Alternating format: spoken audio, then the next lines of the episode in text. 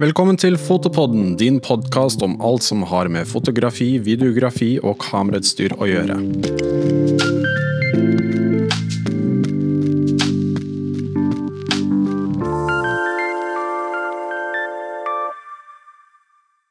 I fjor laget vi en episode om lagring og backup, og siden den gang, hele seks måneder siden, har det skjedd mye innenfor det feltet, og noen nye interessante produkter har kommet på markedet. Så igjen skal vi dedikere litt tid til et kanskje litt lite kreativt tema, men oh lord hvor viktig det er her. Mm. Absolutt. Og med oss for å prate om dette har vi igjen med Tom Erik og Henrik. Velkommen, gutta. Takk skal du ha. Takk.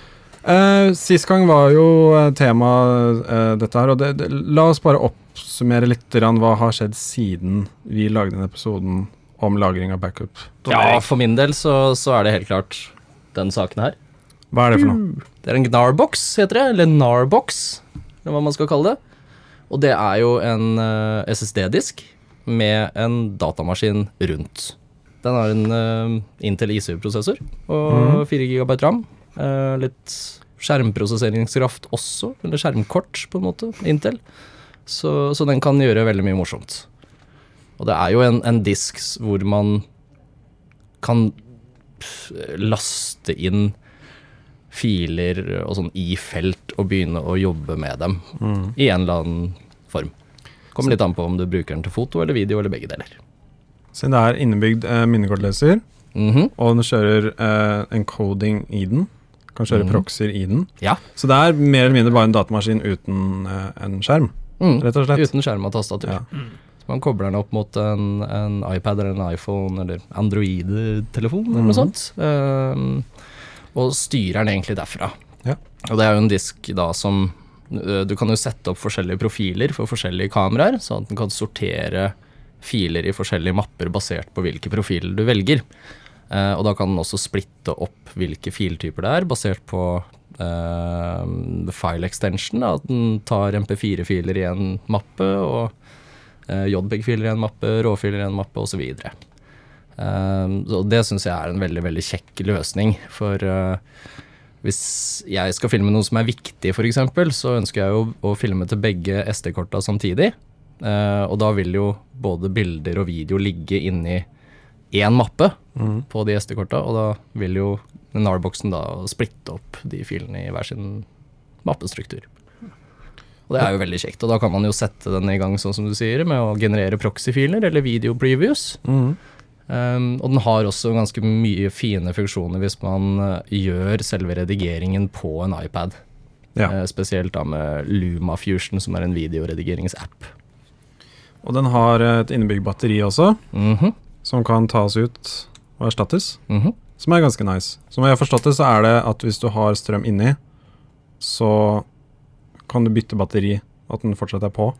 Ja, du må bare koble den til med et kraftig strømadapter til strømnettet. Ja. Som eh, Kobler til en telefonlader, så vil jo den tappes for strøm fortere enn det den klarer å lade opp batteriet. Ikke sant?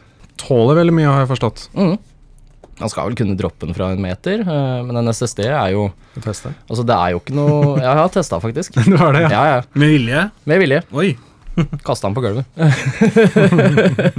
uh, og ja, for det, det er- jo et kostbart produkt. Jeg vil ikke si at det er et dyrt produkt i forhold til hva den gjør, Mm. uh, men det er jo et kostbart produkt, så vi må jo være sikre på at den, den gjør jobben sin. Ja. Eh, for det er, jo, det er jo et ganske unikt produkt også. For Det er ikke noe annet på markedet som kan det den kan. Mm. Eh, det er jo mange trådløse harddisker med SD-leser i, men de bare kopierer ting slavisk inn uten å gjøre noe. Eh, og en av de mest viktige funksjonene som jeg eh, ser det, er jo dritkjedelig funksjon, men den kjører også da MD5 checksum, så den sikrer seg for at alle filer kommer over på disken eh, riktig, da. Ja. Mm, og da sjekker den, verifiserer den jo det rett mot minnekortet, eh, som da er kilden for alle sammen, ikke sant. Og det er jo som du sier, dette er jo en type backup artist du skal ha, på deg på, ha med deg på location. Mm. Så du må jo da tappe den til arkivet ditt på kontoret etterpå, Mhm. så bruke den igjen. Så det er ikke en sånn at du bare Nei, nei, kjøper nei. ny og ny og ny. Det, det er koster gjerne- litt mer enn Ja, det. Yes. Uh, og det er, det er jo en disk som er Det er jo en mellomstasjon Ja. for ting. Ja. Uh, men det som er litt kult, er at uh, hvis man liksom tar en annen disk, si en vanlig la si rugged f.eks., så kan teipe den på, koble den inn, og få Nar-boksen til å kopiere alle filene til begge lokasjoner. Ja. Man kan også sette i gang en backup fra den til en annen disk rett fra Gnar-boksen uten å koble på telefonen eller noe sånt. Noe. Så kan man kult. på slutten av shooten og bare backe den opp til en disk til, sånn at det faktisk er en backup, og ikke bare et sted som kan Mm. gå i stykker. Det er jo mye mer enn en harddisk. Mm. Det- Rett og slett. Det er Helt derfor den koster mer enn en harddisk også. ja. Mm. Det, er- det, det gjør sånn at du slipper å ta med deg laptop når du er ute og reiser på location og sånne ting. Det er det den egentlig gjør. At Mm. den liksom, da trenger du ikke en egen laptop kun for å overføre materiale og sortere materiale og sånne ting. Da Mm. har du den her istedenfor. Ja. Ja, jeg tok den jo med på en reise nå for litt siden, og, og, og tanken min til å begynne med var jo egentlig å sitte og rate bilder på telefonen ved bassenget eller hva det nå enn var, og så koble den til maskinen og importere bildene, Mm. og trykke på stjerneratinga, og så begynne å redigere bildene. Men jeg endte jo opp med å bare bruke telefon og pad til å redigere ting med, fordi filoverføringen er, er veldig rask. Altså Den kopierer jo over en, en råfil på et sekund eller noe sånt. Det telefonen den trådløst. Um, jeg minnes at det var noe sånn 900 megabit eller noe sånt. Mm. Lager den sitt? Eget nettverk. Den lager sitt eget nettverk, ja. Ja, ikke sant. Som man bare kobler på. Og det, det jeg likte også, er at sånn som um, den kan transkode til proxy-filer, mm. som gjør også at det er veldig enkelt over det nettverket den skaper, å se på filene på iPaden Ja. over det trådløse nett, Mm, som er absolutt. veldig, veldig fint. Da Mm. Da kan du jo sjekke og dobbeltsjekke at alt er overført og Ja. ser bra ut. Ja, ja, ja. Og, og igjen, da, sånn hvis man drar det litt videre og bruker LumaFusion og ønsker å ha en veldig mobil workflow, så er det jo sånn med andre harddisker at så fort du drar klippet ditt, eller den porsjonen av klippet du ønsker å bruke, ned i en timeline, så kopierer den hele klippet over til iPaden. Eh, med Narboxen og LumaFusion så lager du et inn- og utpoint, og da tar den faktisk bare med den delen som du har valgt. Eh, stripper ned fila til det, kopierer det over til iPaden. Så det sparer jo også plass. Uh, man trenger kanskje ikke å kjøpe en terabyte uh, lagring på iPaden, men kanskje 512 gigabyte eller noe sånt. Ja. Eh, og da har nok space til å klippe og redigere og styre årene. Og det som er litt kult nå, er jo at uh, LumaFusion etter hvert i neste oppdatering vil da kunne eksportere til en sånn type XML-fil eller noe sånt noe, slik at du kan åpne prosjektet i uh, Premiere. Mm. Det kan jo bli kult, for da gjør du en rough cut på iPad på veien, ja. og så henter du bare opp prosjektet når du kommer til kontoret eller arbeidsstasjonen eller hvor enn skal jobbe. Ja, så jeg har forstått at de Narbox-folka har samarbeidet med alle disse forskjellige Yes. uh, selskapene. Mm. Så de har samarbeida med Adobe i forhold til Lightroom, Photoshop. De har samarbeidet med eh, Serif Affinity Photo, uh, og så er det jo da LumaFusion. Um, og Selects-appen til uh, Gnarboxen den er gjort i samarbeid med Fotomechanic, eh, som en del fotografer kjenner til. Mm. Eh, for vi er jo vant til at hvis man skal sortere bilder i Lightroom, så går det ganske treigt. Mm.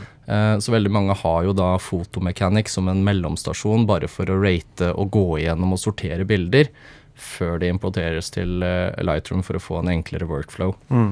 Uh, og, og den er såpass rask at man egentlig bare kan trykke Mm. sånn, så hopper den mellom hvert bilde. Mm. Og de ratingene går jo da inn i metadataen, så når de Mm. importerer inn i Lightroom det bildet, så er ratingen der. Ja, og da støtter den begge måter å gjøre det på. Den kan enten lagre ratings og, og tags i fila, i metadataene til fila, eller så kan den lage en sidecar XMP-fil. Mm. Så det får du spørsmål om når du er ferdig å rate, så trykker du lagre, og da får du spørsmål vil du skrive en egen XMP-fil, eller vil du skrive det til originalfilene. Så det er helt genialt. Og sånn workflow-messig så, så har de også kommet med en oppdatering hvor du da kan lage en shared mappe på en NAS, f.eks., som vi snakka om sist, og ha en eh, nettverksdisk hjemme, og legge til Gnarboxen der, og så få den til å backe seg opp direkte til nasen. uh, så det, det er jo ganske, ganske kult. Ja. Mm. Har den noe sånn cloud-integrering? Ja, ja, du, du har Dropbox-integreringen, men, men ikke noe annet enn det. Så jeg håper eh, de utvikler det videre, sånn at man kan koble det opp via internett til sin egen NAS hjemme. Ja, ja. Det hadde vært kult. Det er ikke helt oppe ennå. Nei. Nei. Så den bruker vel SMB filesharing eh, på, Mm. når den kobler seg opp mot eh, NAS hjemme. Da. Ja. Mm. Du kan ikke det- liksom legge til en VPN. Nei. Åh. Men det kan jo hende kommer etter hvert. Ja, for det altså, er jo en datamaskin i den der. Det er jo en workflow-enhet. Det Ja. er litt urettferdig å kalle det for en harddisk. Ja, det er det. det er kanskje Det er veldig veldig urettferdig å kalle det for en harddisk, fordi den gjør så mye mer. Ja. Og, og jeg bruker jo eksempelet med at når jeg kom hjem fra ferien, så satte jeg i gang en, en eh, transkoding på alle videofilene jeg hadde. Eh, nå var jo det riktignok på feil harddisk, må jeg innrømme. Jeg satte den i gang på en vanlig snurreharddisk. Men det tok jo ti timer, da. Å transkode alle filene. Ja. Så det å bare kunne sette den uh, NAR-boksen i gang over natta f.eks. er jo helt nice. Eller, eller på flyet hvis man skal reise. Altså hvor, hvor som helst, egentlig. Uh, og at den da bare jobber til den er ferdig. Eh, det er utrolig nice. Og, og sier man er en, både en fotograf og en videograf samtidig, så kan du liksom sette i gang proxy-mekkinga på den, og så kan du begynne å jobbe på fotofilene dine på arbeidsmaskinen, istedenfor at den skal låse seg ned og holde på med proxy-generering. Da sparer man Så- fort mye tid. Da sparer man veldig mye tid. Ja. Og du, Thomas, har jo sagt flere ganger at du egentlig aldri bruker proxy, fordi det tar så Ja. lang tid. Det tar veldig lang tid å faktisk generere proxyene, og da det er på en måte Ja. Mm. Det er grunnen til at jeg egentlig ikke gjør det. Så Istedenfor at du da bruker tid på å tulle med proxyer, Mm. så kan du da heller la den gjøre det av seg Ja. selv. Mm. Før Pluss jeg begynner å redigere. Pluss at du da i tillegg sparer mer tid fordi du ikke Altså fordi du har proxyer og kan jobbe med proxyene. Mm. Så da sparer du plutselig veldig mye tid. Absolutt. Mm. Mm. Og jeg ville heller hatt en sånn enn to datamaskiner å jobbe på. Ja, ikke sant. Ja. Nei, jeg skal på et par turer fremover. Da skal det vært gøy å få testa den litt. Det skal du få. Mm. Det skal du få. Så hyggelig. Ja. Så snill.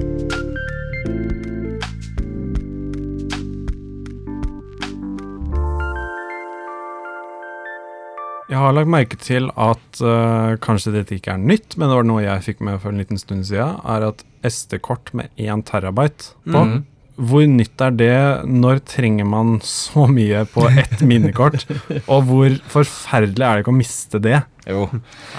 Altså, altså, jeg er litt fan av å ha mindre størrelse på minnekorta og bruke det også som en liten failsafe. Um, klarer egentlig ikke helt å se grunnlaget for en terabyte på minnekortet. Det kan jo hende at hvis man skal sette opp et kamera som skal filme en hel festival eller noe sånt i veldig høy kvalitet, at man kanskje kunne brukt et sånt kort.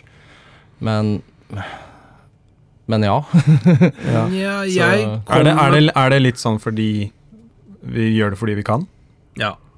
Men jeg kommer jo på for, altså, Litt sånn som jeg bruker mine kort da, i kamera. Eh, nå er ikke jeg profesjonell fotograf eller videograf, men eh, hvis jeg hadde hatt mye større filstørrelser å forholde meg til enn jeg har til daglig, så kunne det kanskje vært et poeng. Og rett og slett i et kamera med to kortplasser kjøre backup-mode, slik at filene blir skrevet på begge kameraene. Og så la det der terabyte-kortet bare være i, og aldri formatere det før det faktisk er fullt. Mm. Eh, Sånn som jeg gjør, at jeg har to kort i kameraene mine, og så har jeg et som er større enn det andre. Og det største av de, det bare ligger i kamera. Det tar jeg aldri ut. Mm. Så hvis alt hjemme hos meg krasjer, pluss alle de andre backupene jeg har krasjer, noe som for så vidt er ganske lite sannsynlig, da, Eh, men så, så har jeg stort sett i hvert fall noen måneder med foto inne på det der ene svære minnekortet i kamera. Mm. Ja. Kanskje det kan være noe for litt ja, De fleste kameraene kommer med to minnekortspor nå. Mm. Uh, entusiast og oppover. ja. Ja. Så da er jo kanskje det litt tanken, da. At ett kort bare er i å kjøre backup.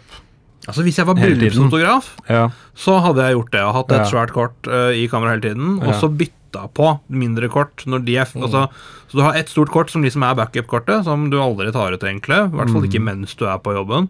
Så har du mindre kort som du tar ut og tar ut og tar ut. Mm. Så i verste fall så har du sannsynligvis da bilder på det svære kortet. Mm. ja. Det tror jeg kanskje er en kan være en lur måte å gjøre det på. Ja, absolutt. Det, da gir det mening, Mm. at man skal ha et så stort kort. Eller hvis du har en sånn liten pellicase full av minnekort, så mister du den. Men du har fortsatt kamera, Ja. som du har det svære minnekortet. Ja. Mm. Hvor alle bildene ligger. Ja. Det gjelder å ha filene lagret mange forskjellige steder. Mm. Og ha kontroll på de stedene. Det er kanskje det verste av det hele. Ja, så det er egentlig den ene tingen som jeg ikke ville ha gjort med et sånt minnekort, bare med tanke på hvor mye det koster, Mm. er å faktisk ta det ut av kamera. Ja, Da hadde jeg short, kjørt liksom USB-overføring istedenfor, hvis Mm. jeg skal overføre fra det. ja. Fordi med en gang du tar et SD-kort ut og inn i kameraet hele tiden, så blir det slitasje, og det blir Mm. ødelagt, veldig enkelt. Så ja, nei, da, da ser jeg grunnen til at man eventuelt kan ha et sånt minnekort. Ja, Hvis du skyter med altså, høyoppløselig kamera, hvis du skyter med en GFX 100, så er jo de råfilene der Mm. og godt over 100 megabyte per bilde. Mm. Uh, Så du fyller jo Hvis du er såpass uh, kul, holdt jeg på å si, at du skyter bryllup med GFX 100 da, Det er en fin utfordring til noen Ja. der. ja. Da blir jo de fort fylt opp, da. Ja. Og det er jo ikke bare mellomformater heller som begynner å få så Nei, utrolig høy oppløsning. ikke sant? Sånn ACVR 4 har jo 61 megapiksler, Mm. de filene blir jo ganske store. Ja. Uh, hvis man da smekker på ukomprimert rå i tillegg da, ikke sant, så spiser det plass fort. Absolutt. Mm. Men det er jo kanskje mer problem å ha plass nok hjemme på kontoret eller uh, hjemme hos seg selv, hvis Ja. man skal håndtere så mye datamengder, da. Ja. Mm. Eh, vi snakket jo litt grann sist gang om eh, skylagring. Mm. Um, nå er jo 5G-nettet rundt hjørnet, Mhm. som vil jo eventuelt da gi det muligheten til å lagre i skyen mye enklere. Mhm. Er det uh, deres standpunkt med tanke på det som backup? Har det endret seg eller ikke?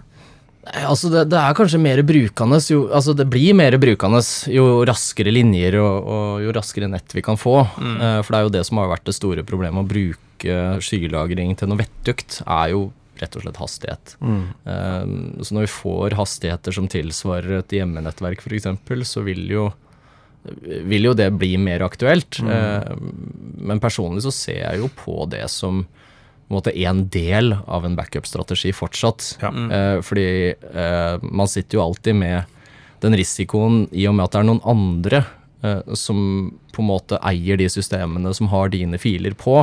Eh, så er det jo det er jo alltids risiko, og blir kanskje mer og mer risiko med hacking. Eh, hvis de plutselig endrer prismodell, som jeg har opplevd fra et backup-selskap, ikke sant, så, så blir det altfor dyrt for at man skal kunne håndtere det. Og det å bare få det vekk derfra tar også enormt lang tid. Eh, og så tror jeg også at veldig mange sånne tjenester vil sette en begrensning på hastigheten på brukerne sine for å ikke presse serverne sine for mye.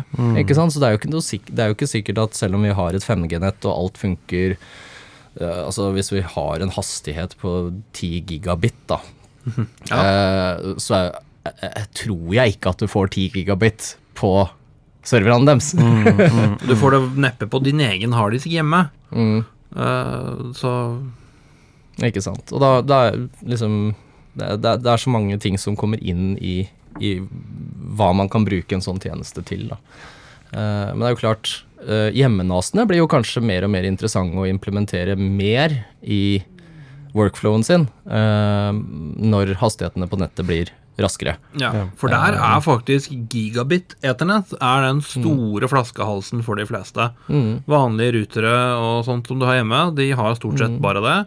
Og da Altså, den fyller du Den hastigheten der, den, da blir det flaskehalsen. Ikke altså Selv en snurredisk, en bra snurredisk, er kjempere enn det. Mm.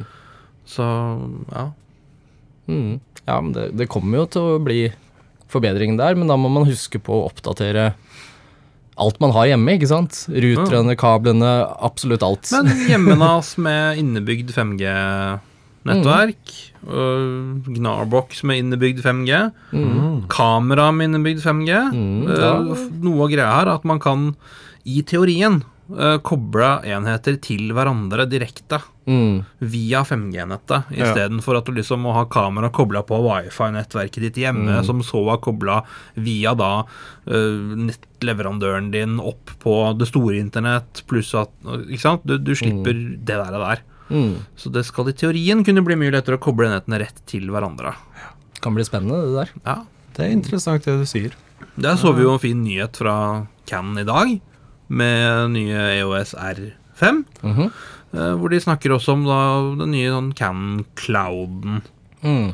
Uh, ser jo for meg en eller annen gang i fremtiden at uh, får noen kameraer med innebygd 5G som kobler rett opp mot cloud. Da begynner vi å snakke moro, altså. Mm. For da, da har vi hastigheter på linje med mm, kabla nettverk hjemme, Ja. pluss. Og ikke bare det, men så kan man jo få enhetene hjemme, altså maskinen og alt sånt, til å laste ned filene kontinuerlig mens du laster de opp, sånn at når du kommer hjem, så er du klar til å bare sette i gang og Ja. Overføringen er gjort. Mm. Ja, altså gå, La oss si altså I fremtiden så vil jeg jo håpe og tro at du går rundt med kameraet ditt på en shoot. Du har en type Gnarbox-ting i bagen, øh, og du har en hjemmeserver. øh, og mens du tar bilder, så blir alle bildene overført trådløst både til den hjemmeserveren din via 5G eller 6G eller hva det blir for noe etter hvert, og til da den Mm. enheten, Ja. type Gnarbox-tingen du har da med deg. Rett fra kamera. Rett fra kamera live. Mens du Rå. tar bilder. Det er veldig spennende, Det er sånne datastrømmer vi teoretisk sett snakker, snakker om her. Mm. Uh, og det er helt klart at det kommer til å skje i fremtiden. Ja. Spørsmålet er når og hvem og hva og hvordan. Mm. Det må jo være helt ypperlig for eh, folk som tar bilder på sportsarrangementer, f.eks. Ja, og nyhetsfotografer. jo- alt sånt. De prøver jo å jobbe litt sånn allerede, uh, hvor de bruker FTP-servere som eh, er innebygd i enkelte kameraer. Mm. Uh, og så flyr de rundt med en 4G-ruter ikke sant? I, i sekken eller i bilen eller uh, hva det enn skulle være. Og så eh, laster de bare opp bildene eh, Ja. fortløpende. Ja. Og da er det litt forskjellige måter å gjøre det på. Enten laste opp alle sammen, eller eh, plukke litt bilder og så sende ut de, sånn at redaksjonen kan få de ut med en gang. Eh, så det er da eh, mange byråer i verden som jobber på den måten allerede i dag, men jeg tror det vil bli mye lettere for dem når eh, 5G-nettet er oppe og går, og at eh, det blir mer stabilt. Eh, ja, blir enklere, egentlig. Altså de, Og kanskje flere kameraer vil få det. de løsningene der krever jo at du har noen nerder rundt omkring som setter opp og konfigurerer og jobber med dette. Mm. Uh, teoretisk sett med 5G så vil jo dette være enkelt for hvem som helst. Du trenger ikke være datanerd for å kunne bruke det. Nei. Nei, du må i hvert fall klare å sette opp en FTP-server, ikke sant? Ja, eh, Så, så jeg har testet det hjemme, og det funker jo dritbra. Ja. Det gjør jo det, så lenge man har god connection. Ehm, men det er jo litt begrensa hva man får til med et 4G-nettverk. Eller hvis man har dårligere tilkobling enn det, så, Ja, så går det treigt. I hvert fall med de store filene vi sitter og jobber med nå. mm. Mm.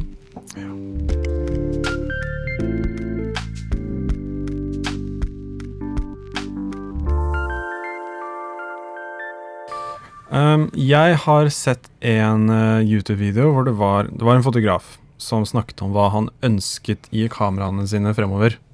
Av nyutgivelser og sånne ting. Én ting han nevnte, var intern lag lagring.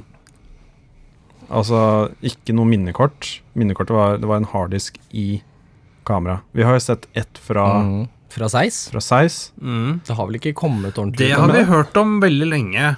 Jeg, Det er vel to, over to år siden, tror jeg. Eller i hvert fall over ett år siden, for det vet jeg. For jeg så den i monter på, på messe, fotomesse i Tokyo, som er et år siden nå straks. Mm. Uh, Og da var det liksom rett rundt hjørnet og skulle komme. Ja, Hva skjer med den?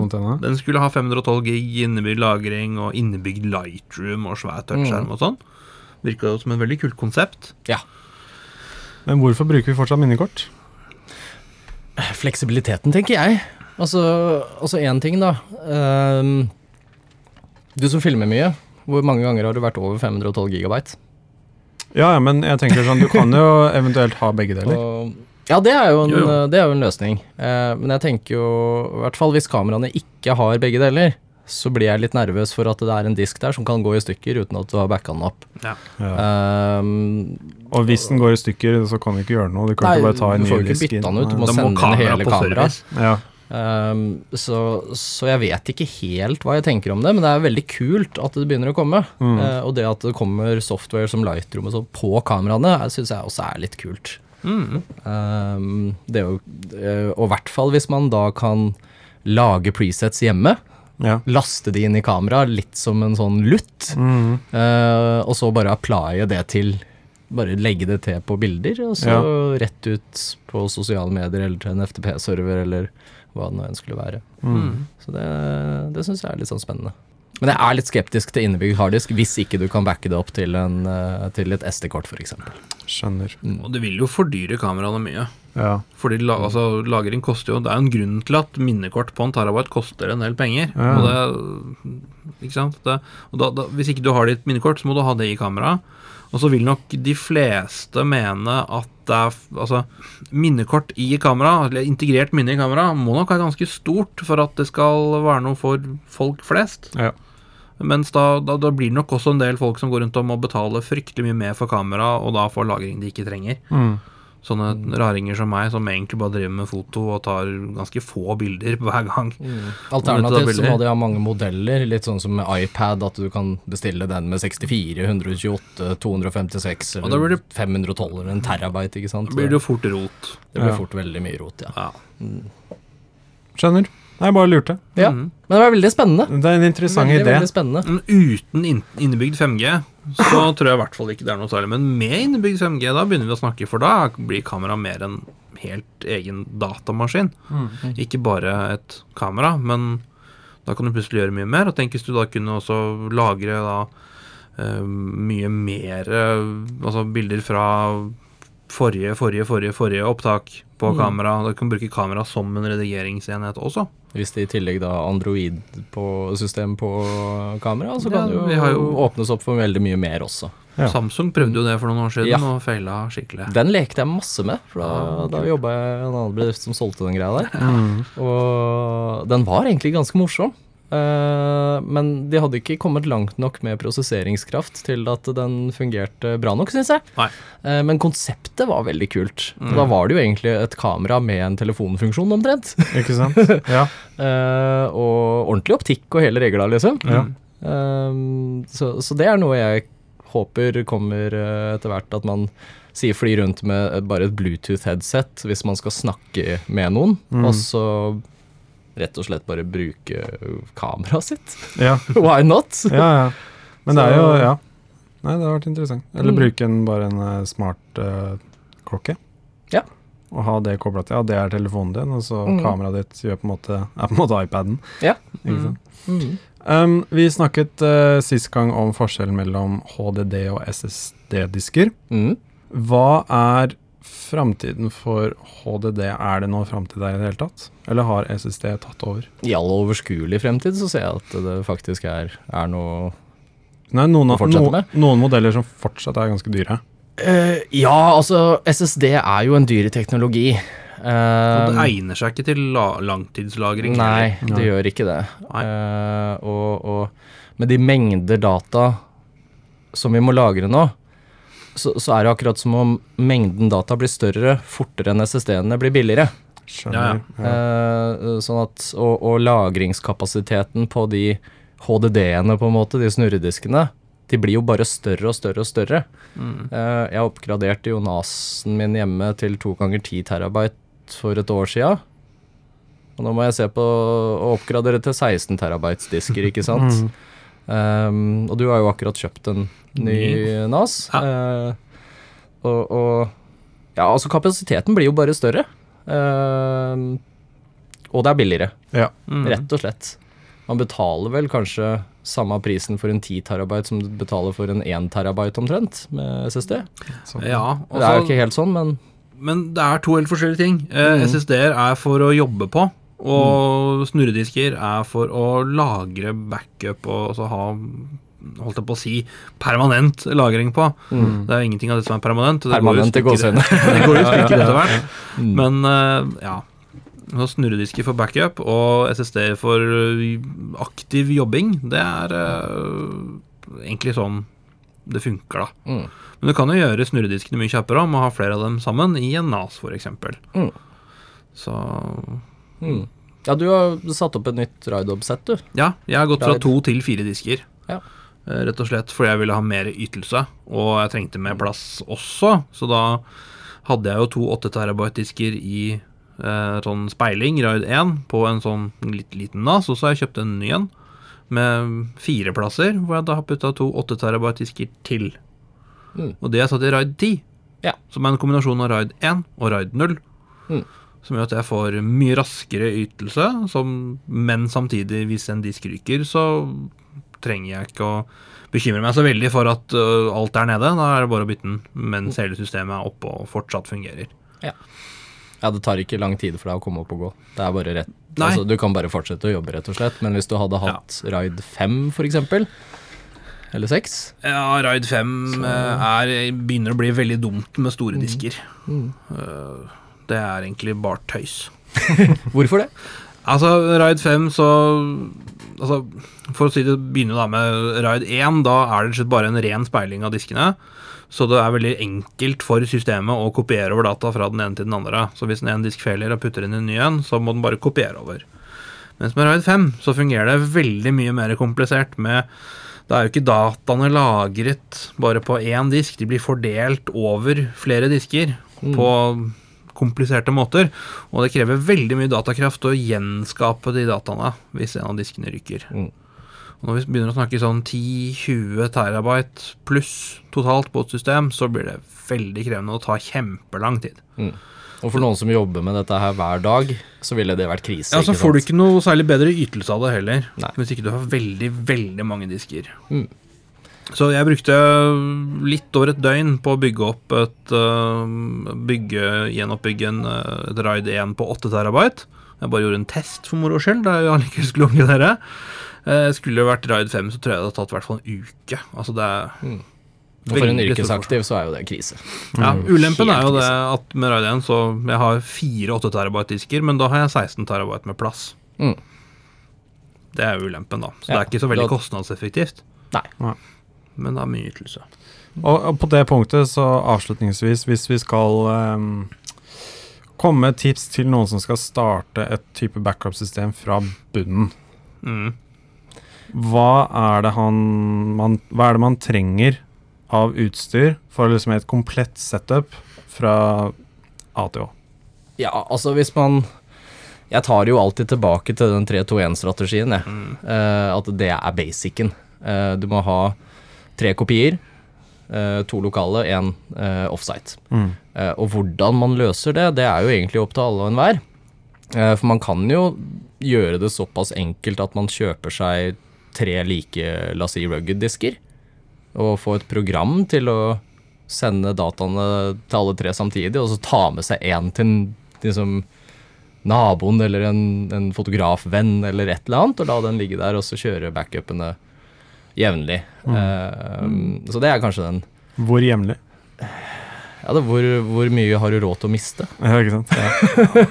Det, det er jo litt det som er spørsmålet. Altså Tar man noen bilder i uka som en entusiast, f.eks., så, så bør man jo ikke gjøre det hver dag. Nei. Men jobber du med foto hver dag, så bør man jo faktisk backe det opp hver dag. Mm. Så, så hvor ofte man må gjøre det, kommer veldig an på, altså. Så, men jeg er jo veldig, veldig fan av å ha et NAS-system hjemme, fordi da slipper du å sørge for at de diskene er like. Mm. Uh, og så uh, gjøre kanskje litt sånn som Henrik uh, gjør da, med å sette NAS et annet sted, som da kopierer NAS-en som du har hjemme. Sånn at du veit at alle dataene er speilet med alle de tre leddene i, i den 3-2-1-strategien. da. Og cloud, for Ja. sikkerhets skyld. Ja. Ja.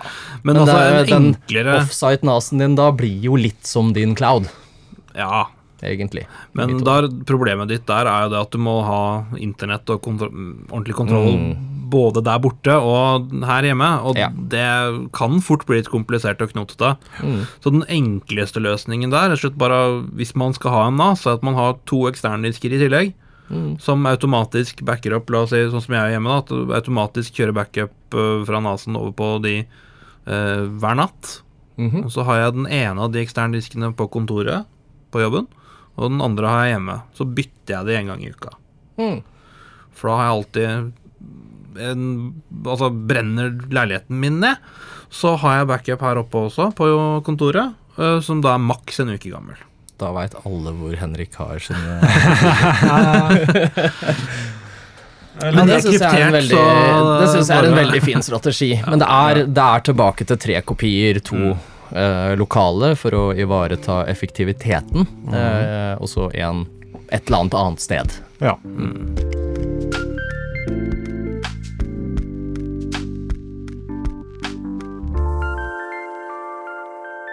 CF Ekspress, kanskje vi skal snakke litt om det? For Ja, det er jo det ny jeg. teknologi. Ja. Hvilke kamera har de? Eh, I hvert fall 1DX Mark 3 Ja. har de. Nikon Eh, og så har D6 du. Nikon D6. Eh, Nikon Z-serien kan jo oppgraderes, mener jeg, eh, til å støtte CF Ekspress. fra- For det er samme formfaktor eh, som XQD-kort, XQD, ja. eh, men det gjøres på en annen protokoll, som gjør at eh, de kan få hastigheter som vi ikke har sett før i minnekort. Um, og Ja, Panasonic sin også vil, vil også ta de. Det vi hørte nå med NDX Mark 3, var jo at det ikke var noen buffer, så å si. Mm. Men det er jo egentlig en buffer der. Ja, men det er bare kjappere enn du klarer å ta bilder. Ja. Ja. Uh, så det er jo alltid en buffer i kamera, Fordi da uh, Der er det fort gjort å blande litt sammen. For hva er liksom Hvordan skal man Hva skal man kalle bufferen? Er det før bildene begynner å gå litt saktere? Eller er det den fysiske bufferen som ligger i kamera? Hvor mange bilder har den plass til? Men med de raske korta som kan komme opp i Er det i 1500 megabyte i sekundet? Tror det er oppe i 1700, men Ja, det sånn er jo teoretisk flisespikkeri ja. omtrent. Men, ja, det er jo oppi en veldig, veldig Altså, det er jo SSD-harddisk Altså SSD-hastigheter. Mm. Uh, mer enn det også. Det er jo PCI Ekspress-hastigheter. Ja. Ehm, så Og da, da vil man jo ikke merke at det er noe buffer, nei. fordi kortet skriver så fort. Mm. Uh, og det kan jo endre veldig mye ting på video, f.eks. Hva, hva er det de kan trykke gjennom et kamera og få inn på et minnekort? Mhm. Så, Du vil, du vil ikke ha behovet like mye med ekstern recorder, f.eks. Nei. Så det er- NDX3 kan jo ta intern 12-bit rå, mener jeg. Ja. Og. Og det, det er jo men det er litt heftig. takket være kortet, kanskje? Ja, ja, er Ja, ja, de må ha så raske kort, Korte kort det, og er jo, prosessor. Kort og prosessor, ja. ja, Ja. det er jo en grunn til at Red-kameraene bruker SSD ja. til, eh, til lagring. Så det er noe vi kommer til å se mye mer fremover, da. Ja, ja, det vil jeg tro. Det vil jeg tro. Og hvor, hvor store er disse kortene? Hvor, hvilke gigabyte-størrelser får vi de? Opp til 512 gigabyte Ja. enn så lenge, tror jeg. Uh, de er jo relativt kostbare, da, men det er jo fordi de er så vanvittig kjappe. Eh, så håper vi jo da etter hvert at det blir mer vanlig med dem, at prisene kommer til å gå litt ned, og vi kommer til å få enda større kort. Mm. Eh, men det må jo bli en, altså en standard som rulles ut mer, selvfølgelig, for den er helt flunka ny, og det er ikke så mange kameraer som har det ennå. Mm.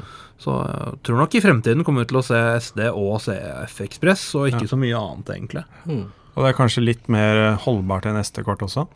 Ja, jeg, jeg føler i hvert fall at XQD og, og CF Ekspress-korta føles mer robuste ut. Ja, det er det de er ikke så tynne og Du føler ikke at du kan knekke de? Nei, Nei. ja, det Der er SD-kortet litt flimsy. Ja. Ja, og det er jo en liten ulempe med SD-kort at de er så små at du mister dem jo Mm. mye lettere. Ja. Ja. Men Mikro-SD-kort er jo Ja, det er, å herregud. Jeg vet hvor mange Forsvinner hele tida. jeg har mista de så ofte. Det, et, et terabyte mikro-SD-kort, det tør jeg ikke å kjøpe. Det er Nei. ikke noe vits engang. Nei, nei, nei, nei, nei, maks 128. Ja, ja, ja. De bare forsvinner, de forsvinner hele tiden. Ja. Jeg fikk en liten tanke til om, om bruken av CF Ekspress, om man kanskje får benytta det på arbeidsstasjonen sin. På noen måte. Mm. At man kanskje kan bruke det som en harddisk istedenfor å bare tenke kameraer og, og sånn. Ja. Mm. Hvis man skal flytte pro prosjektet fra det ene stedet til det andre. Og, og det er jo en rask nok harddisk til at du kan klippe direkte på det, f.eks. Mm. Mer enn rask nok. Eh, mer enn rask nok. Ja, ja. Men jeg har brukt så... minnekort ganske mange ganger. Istedenfor en minnepenn, f.eks., Mm. ja. så bruker du bare et minnekort Ja. til å overføre ting fra en PC til en annen. Ja. Der jeg tror enda... ikke det hadde vært noe problem for deg for eksempel, å klippet hele podkasten her på et uh, CF Ekspress-kort. Challenge accepted. Mhm. Men da har er det også bruksområdet til terabyte, terabyte SD-kortene vi snakka om i stad. Ja, ja. Minne, Minnepenn, holdt jeg på å si. Det blir minnepenn, rett og Ja, slett. på en terabyte. Det er litt gøy, da. Det tar jo ikke noe plass. Mm. Ja, og da, da er det fint å flytte filer. Mm. Mhm. Veldig bra. Tusen takk, gutta. Mm. Uh, så er det jo selvfølgelig for alle sammen å bare skrive under i kommentarfeltet, eller kom innom en av butikkene våre så hvis dere har noen spørsmål om disse tingene, så hjelper vi dere gjerne. Og så ses vi neste uke i en ny episode. Ha det bra! Ha det godt.